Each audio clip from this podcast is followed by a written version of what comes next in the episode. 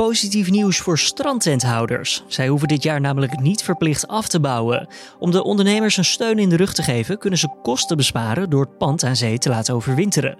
Dit wordt het nieuws. Het laatste wat, uh, wat wij willen is dat we ondankbaar overkomen naar de, uh, naar de overheid, want dat is absoluut niet het geval. Uh, alle kleine steentjes die, die dragen bij aan het uiteindelijk overleven van deze crisis. En het opbouwen, niet hoeven afbreken en stallen helpt daarbij. Minister Kasia Longren maakte dit nieuws vandaag bekend. Wel is de vraag of het genoeg is voor de ondernemers of is het slechts uitstel van executie. Daarover straks meer met Dirk Beljaarts, algemeen directeur van Koninklijke Horeca Nederland. Eerst kort het belangrijkste nieuws van nu. Mijn naam is Julian Dom en het is vandaag maandag 13 juli. Dit is de Dit wordt het nieuws middagpodcast. Delano R., de leider van motorclub Caloago, wordt door het OM verdacht van het voorbereiden van de moord op Robin van O. O werd onlangs aangehouden na de ontdekking van een serie containers met daarin onder meer een martelkamer. De plannen voor de moord op O stammen uit 2017. Een jaar later zou de man gewaarschuwd worden door justitie dat hij op een dodenlijst stond. Daarover schrijft de Telegraaf. Caloago-leider Delano R. wordt nu verdacht van het aannemen van moordopdrachten uit naam van Ridouan T. Het proces wordt maandag hervat met een inleidende zitting. Nu het Surinaamse parlement VHP-leider Chan Santokki maandag officieel heeft gekozen tot president, roept de Tweede Kamer het kabinet op om banden met Suriname te herstellen. Minister Stef Blok van Buitenlandse Zaken is gevraagd om zo snel mogelijk met vertegenwoordigers van de nieuwe Surinaamse regering om tafel te gaan en te kijken wat er mogelijk is om de samenwerking weer op te pakken. Na de inauguratie van Santokki, die donderdag zal plaatsvinden, komt er een eind aan tienjarig presidentschap van Desi Bouterse, waarin de verstandhoudingen met Nederland verslechterden. Mocht je nou meer willen weten over de politieke situatie in Suriname, luister dan ook eventjes naar de Dit wordt het nieuws podcast van deze ochtend. Daarin behandelen we het onderwerp uitgebreid. Een stapel bijna klassieke kranten is ontdekt door een restauranteigenaar op de Mont Blanc. Het gaat om kranten uit 1966 met daarop berichten over Indira Gandhi, die destijds op het punt stond om premier van India te worden. De kranten kwamen vrij door gletsjerijs van de Mont Blanc dat is gesmolten. Hoogstwaarschijnlijk zijn de kranten daar destijds terechtgekomen bij het neerstorten van een Air India Boeing. Dat gebeurde in januari van 1966. De restauranteigenaar zegt de kranten te willen tentoonstellen in zijn zaak. Premier Mark Rutte zegt in op 1 in gesprek te willen met Diederik Gommers, voorzitter van de Nederlandse Vereniging voor Intensive Care, over diens uitspraken in de Volkskrant dit afgelopen weekend. Gommers suggereert in dat interview in maart onder druk te zijn gezet door het ministerie van Volksgezondheid om te bevestigen dat er per 1 april 1600 IC-bedden beschikbaar zouden zijn. Dat terwijl hij dat op dat moment nog niet zelf wist. Rutte zegt dat hij het beeld van een politiek spel dat bij Gommers is ontstaan kan begrijpen, maar dat hij dat zelf niet zo heeft ervaren. Jumbo sluit ongeveer een kwart van de Laplace-filialen. Volgens een woordvoerder van Jumbo worden de restaurants, die als gevolg van de coronamaatregelen waren gesloten, stapgewijs weer geopend. Maar 23 filialen gaan niet meer open. Door een aanpassing van de formule kunnen bepaalde vestigingen niet rendabel zijn, al dus het bedrijf. En door de sluiting staan 480 banen op het spel, al wordt getracht om gedwongen ontslagen zoveel mogelijk te voorkomen. Dan ons nieuws van deze maandag. En het is een prachtige stranddag vandaag. Die dag werd extra mooi voor ondernemers van een strandpaviljoen. Zij hoeven namelijk niet verplicht hun zaak af te breken aan het einde van dit strandseizoen. En dat zou flink wat geld kunnen schelen. Maar het is wel de vraag of dat voldoende is. En daarover ga ik in gesprek met Dirk Beljaarts, algemeen directeur van Koninklijke Horeca Nederland.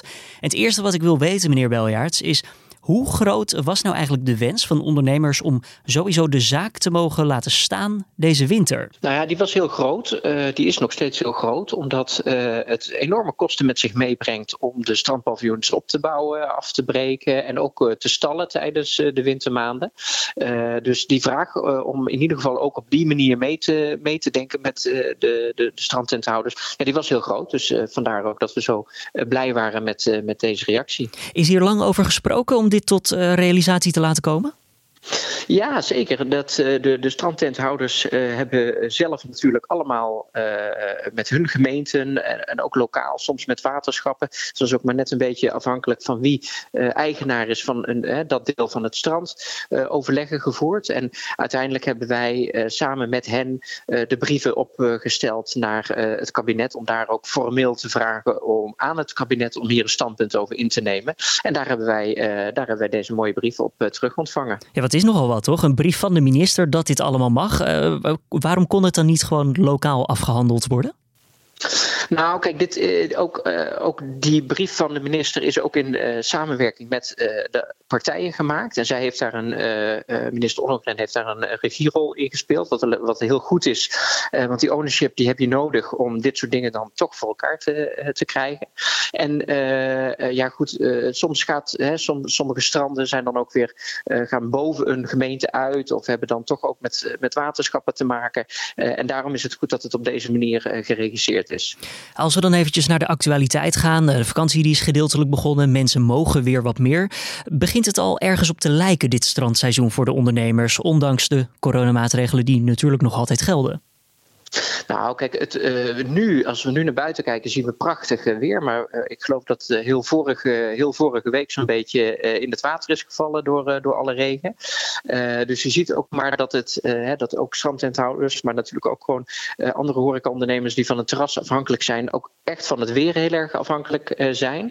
Dus dit soort mooie zonnige dagen, als het niet te warm uh, is, uh, zijn fantastisch. Zijn ook heel, uh, heel welkom. Um, wat natuurlijk alleen heel vervelend was, is dat hè, 15 maart, waar normaal natuurlijk een beetje het seizoen begint, dat je dan eigenlijk het seizoen begint met drie maanden verplicht dicht te zijn. Dus de schade haal je nooit meer in. Hè. In de horeca hebben we een soort bederfelijke omzet. Hè. Dus de omzet die je een dag niet gemaakt hebt, kun je eigenlijk nooit meer inhalen. Um, dus dat kun je er niet mee goed maken. alleen het horecahart gaat natuurlijk wel sneller kloppen als het terras uh, vol zit. Ook al uh, zit daar dan maar 30% van de gasten die je normaal gesproken uh, op dezelfde vierkante meters kwijt zou kunnen. En dan zijn het waarschijnlijk ook meer Nederlanders dan normaal, omdat we ja, vakantie in eigen land is toch een groot ding geworden dit jaar. Valt daar nog iets van verschil in te merken hoe Nederlanders zijn bij de strandpaviljoens tegenover de toeristen? Ja, je ziet uh, in, uh, met name in de kustgebieden die sowieso al bij uh, met name Duitsers en ook Belgen in trek waren, dat, dat, dat die over het algemeen heel goed doen. En Zeeland is ook een goed voorbeeld daarvan, waar de hotels wel redelijk, vol, redelijk vol zitten weer. Je ziet over het algemeen dat ook veel meer Nederlanders vakantie in eigen land vieren of langere weekendjes wegmaken. wat je ook duidelijk ziet, is dat de toeristen en de zaken eh, gasten van ver af, dat die, uh, dat die uh, nog niet zijn gekomen. En nu in het zomerseizoen zouden die sowieso iets minder komen, de zakelijke internationale gasten van ver weg. maar de echte toeristen van ver weg, ja, die missen we ook. Want sowieso zijn er bijna geen vluchten. En er is toch nog wel angst om, om te reizen. Dus, dus dat, merk je, dat verschil merk je wel. In hoeverre is het ja, eenmalig niet af- en opbouwen dan niet eigenlijk gewoon een uitstel van executie voor veel strandpaviljoenhouders? Nou, kijk, uh, dat geldt natuurlijk voor meer, uh, voor meer dingen. En dat is ook waarom we het kabinet oproepen om uh, met een, een, een, langere termijn perspectief te komen. We hebben nu eigenlijk geen perspectief. Alleen we weten dat als de ergste coronaleed geleden is, dat we waarschijnlijk in een recessie terechtkomen. waarin uitgaven ook niet zo makkelijk zullen zijn. dus we hebben ook voor de lange termijn hebben we ook zaken nodig om te zorgen dat we de hele sector, inclusief de strandtenthouders, kunnen houden. Want, en waar denken jullie dan aan op de lange termijn? Nou ja, kijk, wat uh, individueel uh, geldt voor, uh, voor vastgoedeigenaren, leveranciers en ook de overheid als het gaat om bijvoorbeeld belastingen, is dat heel veel facturen en betalingen die zijn opgeschort. En daar waren we natuurlijk in het begin heel blij mee, want dat, toen had je het geld nodig om überhaupt je personeel te kunnen betalen.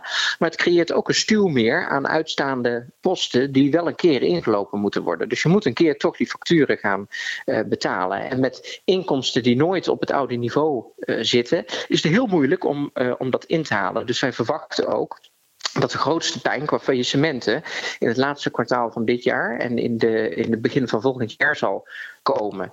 Ja, dan nogmaals, dus dan is het dus eigenlijk gewoon uitstel van executie, het eenmalig niet af en opbouwen. Nou, het, het, helpt. En kijk, uh, uh, het, het, laatste wat, uh, wat wij willen is dat we ondankbaar overkomen naar de, naar de overheid. Want dat is absoluut niet het geval. alle kleine steentjes die, die dragen bij aan het uiteindelijk overleven van deze crisis. En het opbouwen, niet hoeven afbreken en stallen helpt daarbij. Want een grote, nou ja, een middelgrote grote strandtent bespaart daar toch 150.000 euro mee. Dus dat is ook echt serieus, serieus geld die je wel kan gebruiken om bijvoorbeeld die facturen in te lopen en, en andere betalingen te doen. Dus het helpt absoluut. Het is niet genoeg en daar zal dan het kabinet echt wat meer moeten komen met bijvoorbeeld uh, een btw-verlaging om de bestedingen op gang te, uh, te krijgen in onze sector. Uh, wat verdere verruimingen die we hebben, die we hebben gevraagd aan het, aan het kabinet. Maar ook voor de lange termijn, Holland-promotie en, al dat soort, en al dat soort dingen. Om te zorgen dat ook dit deel van de economie zeg maar, blijft, blijft draaien. En winterexploitatie bijvoorbeeld, dat wordt genoemd in de brief als in van dat is niet aan de orde. Maar zou daar nog iets ja, aan bijgeschaafd kunnen worden? Nou ja, kijk, dat, uh, dat is voor uh, de meeste gevallen is dat de lokale aangelegenheid, hè, waar gemeenten uh, daar over gaan. het is ook niet, lang niet voor elke strandpaviljoenhouder aantrekkelijk om in de winter open te zijn. Hè, want als je net dat stukje strand hebt waar er in de, in de winter op een maandag drie mensen op een dag langskomen, ja, dan kun je ze wel alle drie op je terras hebben zitten, maar dan is dat nog niet rendabel. heel veel strandpaviljoens zijn het hele jaar door geopend. Hè, dus, dus Zandvoort. Eh, eh, kijk, maar die, die, daar zijn er best een aantal die het hele jaar door zijn. En, en daar is het heel gunstig voor de exploitatie. Dus het is echt per gemeente en per ondernemer afhankelijk van zou het mij, uh, zou het mij helpen om uh, de exploitatie door te gaan? Hoe staat de gemeente daarin? En uh, nou goed, het algemene antwoord hebben we natuurlijk in de brief gezien. dat is nee. Maar wij hopen toch altijd dat er maatwerk mogelijk is daar waar ook de ondernemer erop zit te wachten. En dan schrijft de minister ook nog eens een keer: mocht er eventuele schade ontstaan, dan is dat voor rekening van de ondernemer. En ja, de wintermaanden die staan niet bekend om ja, het vrolijkste en het mooiste weer. Nee, nee, nou ja, goed. Op, uh, op zich uh, begrijp ik dat ook nog wel. want de strandpaviljoenhouders zijn natuurlijk ook gewoon over de normale tijd dat ze geopend zijn, ook gewoon verzekerd voor storm- en weerschade. dus, dat, dus dat begrijp ik op zich ook nog wel. het zal altijd opwegen tegen het niet hoeven afbreken en opbouwen en stallen van, van het strandpaviljoen. Dus dat valt daar dan wel weer niet bij in het niet. Dirk Beljaarts, algemeen directeur van Koninklijke Horeca Nederland. Hartstikke bedankt voor deze toelichting. Dan nog eventjes het weerbericht. Na een droge en zonnige middag neemt de bewolking s'avonds iets toe, waarna deze s'nachts verder over het land trekt. In het westen zal het ook weer wat gaan regenen. De temperatuur die zakt dan s'nachts naar 11 tot 15 graden. Morgen overdag kans op motregen met later op de dag opklaringen. Het wordt dan zo'n 18 graden. En mocht jij nou in bezit zijn van een Apple laptop, opgelet, want Apple waarschuwt MacBook gebruikers om de webcam niet af te plakken. Dat gebeurt vaak met een stickertje of een speciale webcam cover, zodat je er zeker van bent dat de camera niet onbedoeld door bijvoorbeeld een hacker wordt geactiveerd. Apple zegt dat het afplakken hiervan geen goed idee is, omdat de laptops dermate dun zijn dat er eigenlijk geen ruimte is voor een sticker of een speciaal afplakkertje. Als je dit wel doet en de laptop dichtklapt, bestaat de kans dat je het scherm beschadigt of misschien wel helemaal stuk maakt. Verder geeft het bedrijf ook aan dat er naast de webcam een groen lampje gaat branden als de webcam geactiveerd wordt. Ongeacht of jij dat nou zelf doet of iemand van buitenaf, dat groene lampje zou volgens Apple altijd moeten branden. Dus zodra er geen groen lampje brandt, kan je er zeker van zijn in de ogen van Apple dat de webcam niet wordt gebruikt. En dit was dan de Dit wordt het nieuws middagpodcast van deze maandag 13 juli.